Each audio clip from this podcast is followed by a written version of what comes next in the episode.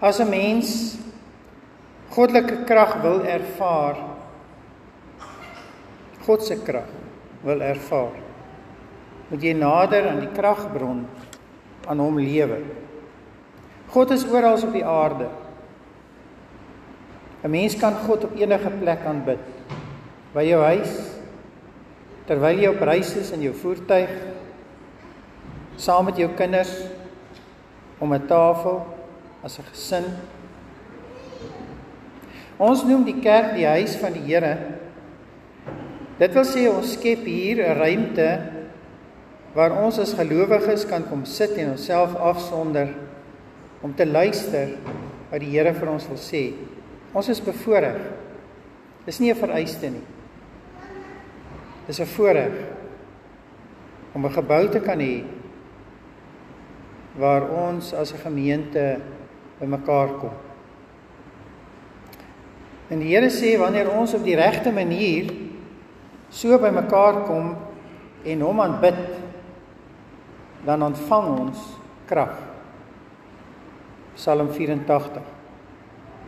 God se krag werk deur sy gemeente. 'n Mens kan sê dat die kerk is 'n gemeenskap wat werk soos 'n transformer in God se kragnetwerk. Dit transformeer God se krag in menslike talente en gawens, gawes en vermoëns om hom te dien. 'n Gemeenskap sonder 'n samelewing sonder 'n gemeenskap van gelowiges gaan altyd in die donker leef. Ons is hier nie net om God se krag te ontvang nie, maar om lig te wees vir die wêreld. Sodat ons maandag en dinsdag en woensdag en deur die hele week kan skyn vir Jesus. Ons ontvang nie krag om dit vir onsself te hê nie. Ons ontvang dit om dit te transformeer sodat God daardeur verheerlik kan word. Dit is wat 'n gemeente doen. 'n Gemeente is soos 'n stad wat op 'n berg lê en nie weggesteek kan word nie. Die krag van 'n gemeente lê nie net in wat Sondag hier by die kerk gebeur nie, maar wat in die week in die gemeenskap gebeur.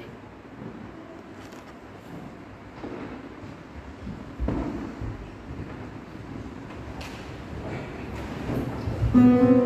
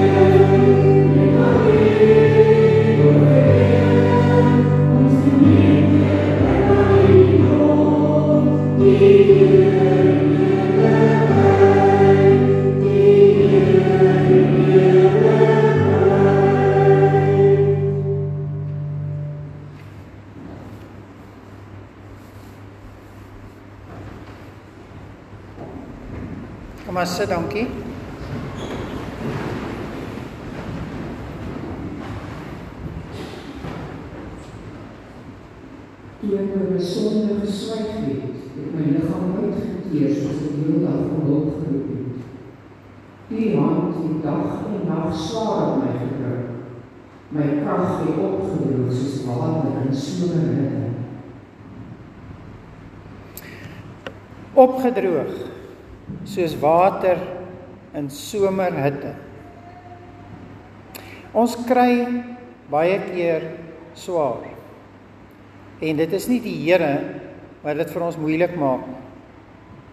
Dis ons eie verkeerde besluite en lewenswyse wat dit vir ons moeilik maak. Selfs Paulus sê die goeie wat ek wil doen, dit doen ek nie. Maar die slegte wat ek nie wil doen nie, dit doen ek. Daar is in ons diep in ons wese die begeerte om te doen wat die Here wil. Maar die wetmatigheid van die sonde maak dit vir ons moeilik. Wat kan ons doen om ons krag te herwin? Al wat ons moet doen is dat ons ons ons opstandigheid voor die Here bely. Om te bely beteken om hardop te verklaar dat ons verkeerd is en dat die Here reg is. Die Here het dit vir ons moontlik gemaak om vergifnis te kry en die swaarte krag van die sonde te breek. Ons moet dit nogtans bely en erken dat ons sondaars is en ons moet sy vergifnis aanneem. As ons dit nie wil erken nie, sê die psalmskrywer, is ons soos 'n perd of 'n muil wat met 'n stang in die bek beteel moet word. As daar dinge is wat jou swaarmoedig maak en jy voel daar is 'n sware las op jou, bely dit vir die Here. Moenie opstandig wees om jou sondes vir die Here weg te steek nie. As jy dit voor die Here bely, is dit soos 'n las wat van jou skouers afval en jy sal nuwe krag ontvang om hom te dien. Verbly julle en juig regverdiges. Christus het die mag van die sonde oorwin en hy gee aan ons die oorwinningskrag om dit ook te doen. Dieselfde krag wat daar in Jesus Christus was wat uit die dood uit opgestaan het is ook in jou en in my. Dit is hoekom gelowiges in 'n tyd van nood bid en die Here dank vir die vergifnis wat ons ontvang het.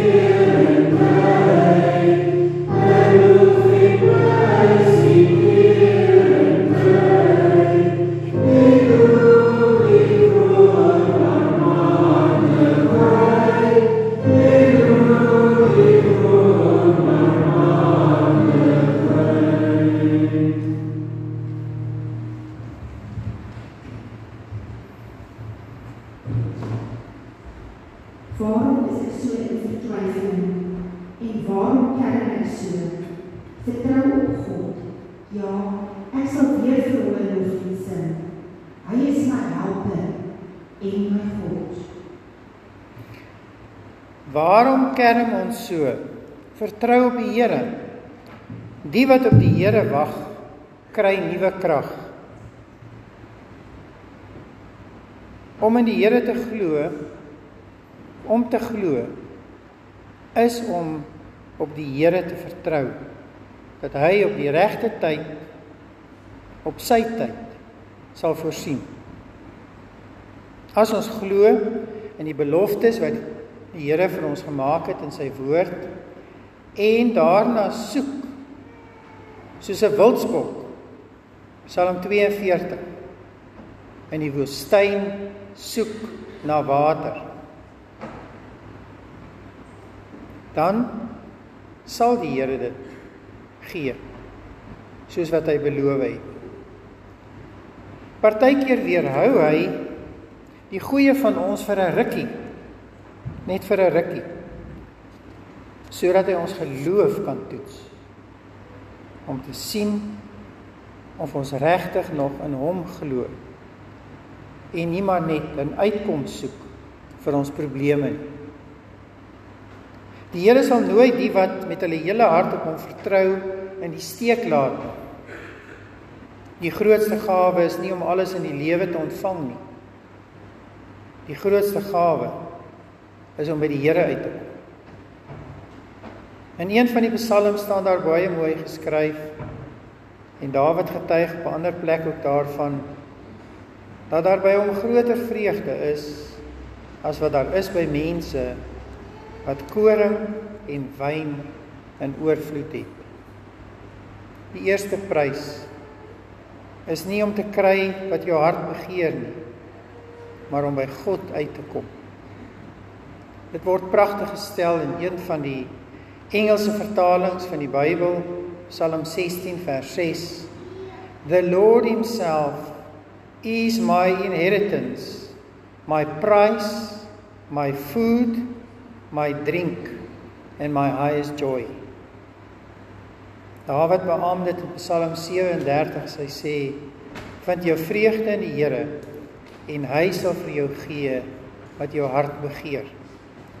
Kom ons leer om nie te kerm nie, maar om op die Here te vertrou, soos 'n wildsbok wat smag na die lewende water.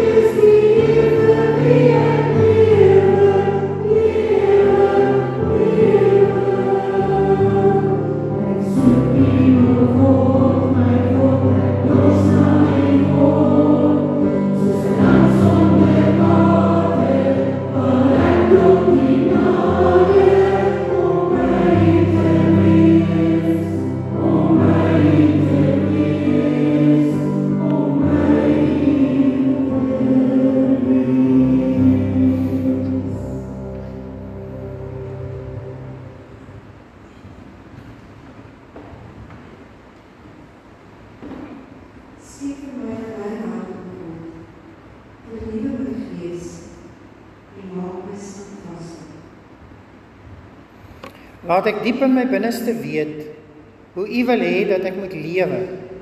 Psalm 51, Psalm van Dawid. Na aanleiding daarvan dat die profeet Nathan na hom toe gekom het oor sy oorspel met Batsheba. Wanneer dit goed gaan met 'n mens en jy op jou eie kragte staat maak, is jy die mees kwesbaarste vir die vyand. Ons moet die volle wapenrusting van God aantrek en altyd gereed wees om hom te dien. Dan sal ons nie soog vir die aanslag van die vyand nie. As ons nogtans in 'n oomblik van swakheid en sonde val, dan is die Here daar om ons op te tel. As hy nie 'n profeet soos Nathan na jou toe stuur nie, sal hy iets oor jou pad bring om jou daaraan te herinner. Nederigheid en verootmoediging is die soenoffer wat ons voor die Here bring as ons in menslike swakheid geval het.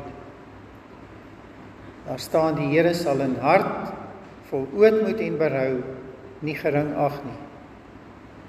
Dawid smag daarna om weer die blydskap van die Here te ervaar en God met toewyding te dien. Hy skryf daarvan en hy sê: "Laat my weer blydskap en vreugde belewe." Skuldgevoelens ontneem ons van die vreugde van godsdiens. Die Here moet ons weer vernuwe en ons die blydskap laat ervaar van iemand wat deur hom verlos is. Maak jou hart oop vir die werking van God se Gees en laat die Gees van die Here jou inspireer om hom met toewyding te dien.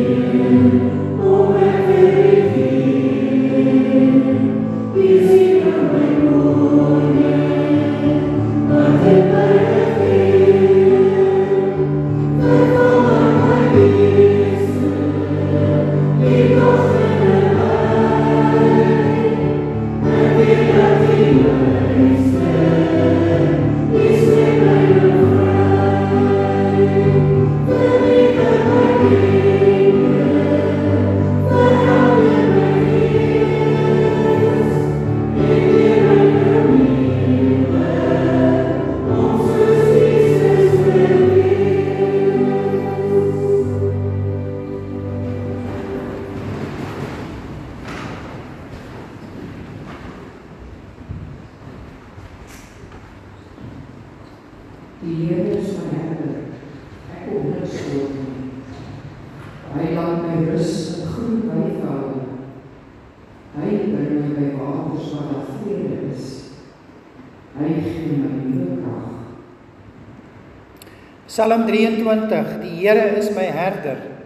Hy gee my nuwe krag. Sekerlik die mooiste van al die psalms in die Bybel van die 150 psalms, Psalm 23. Die Here is my herder.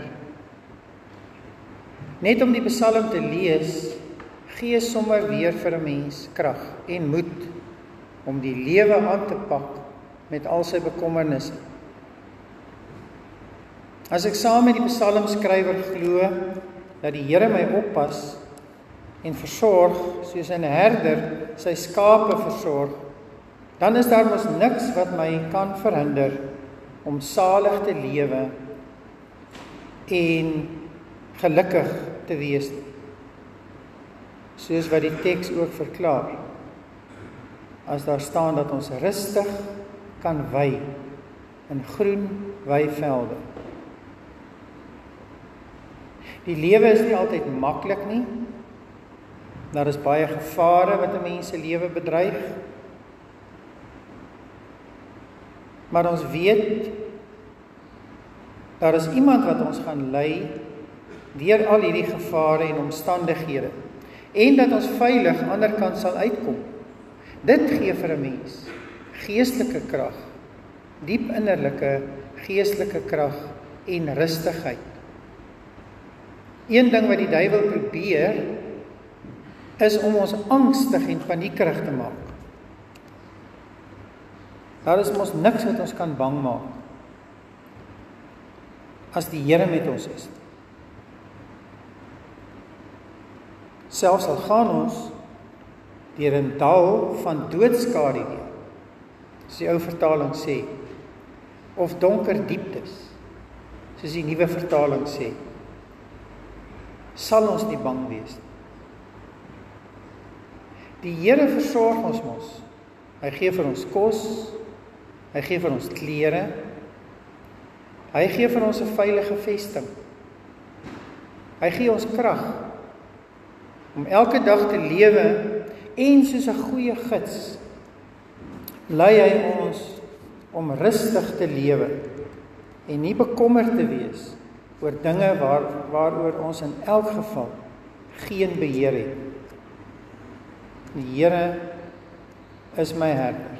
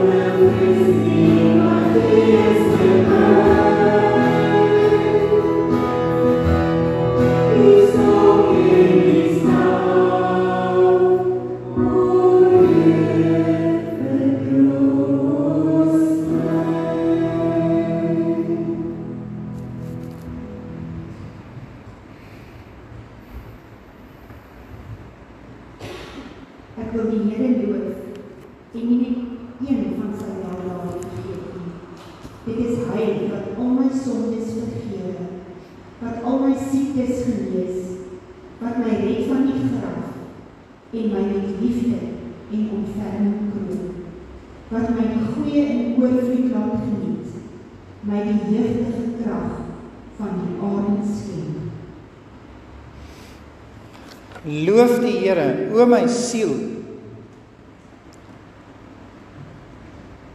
En vergeet geen een van sy weldade nie. Dink vanoggend aan alles wat jy die Here voor wil dank en sy naam wil loof.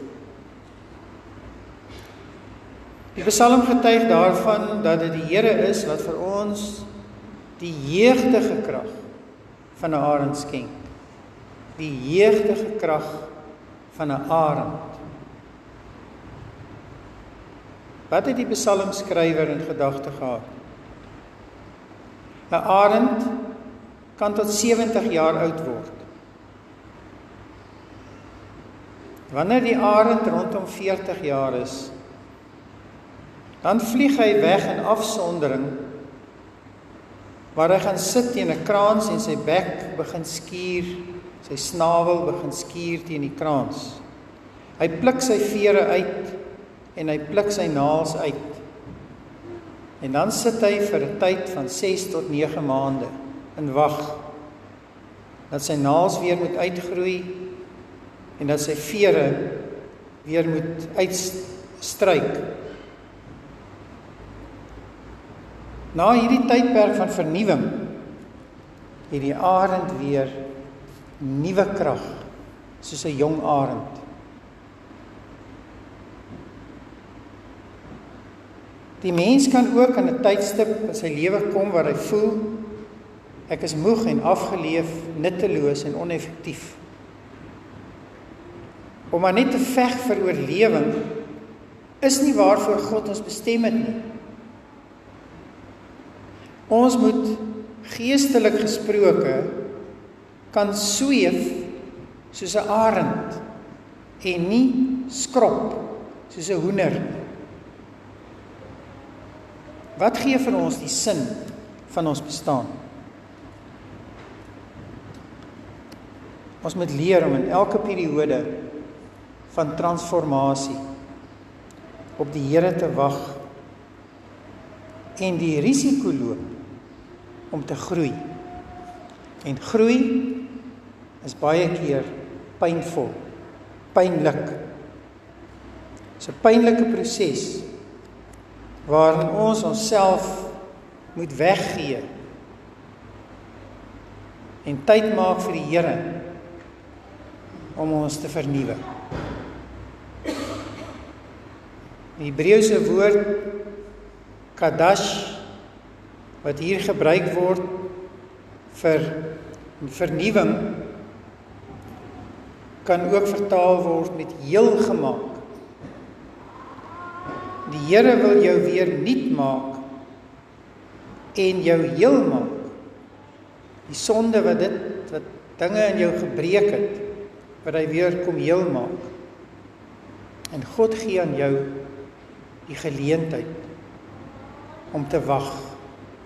Soos die arend wat sit en wag dat sy vere moet groei, dat sy naels weer moet uitkom en dat sy bek weer skerp is om te doen wat hy moet.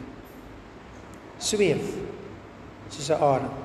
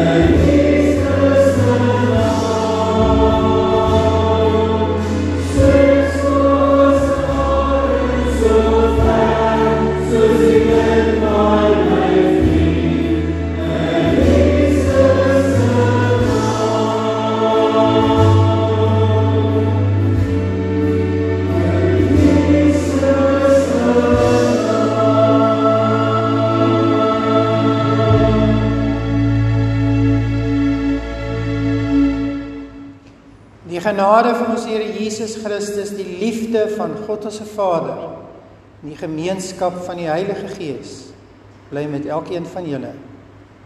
Amen.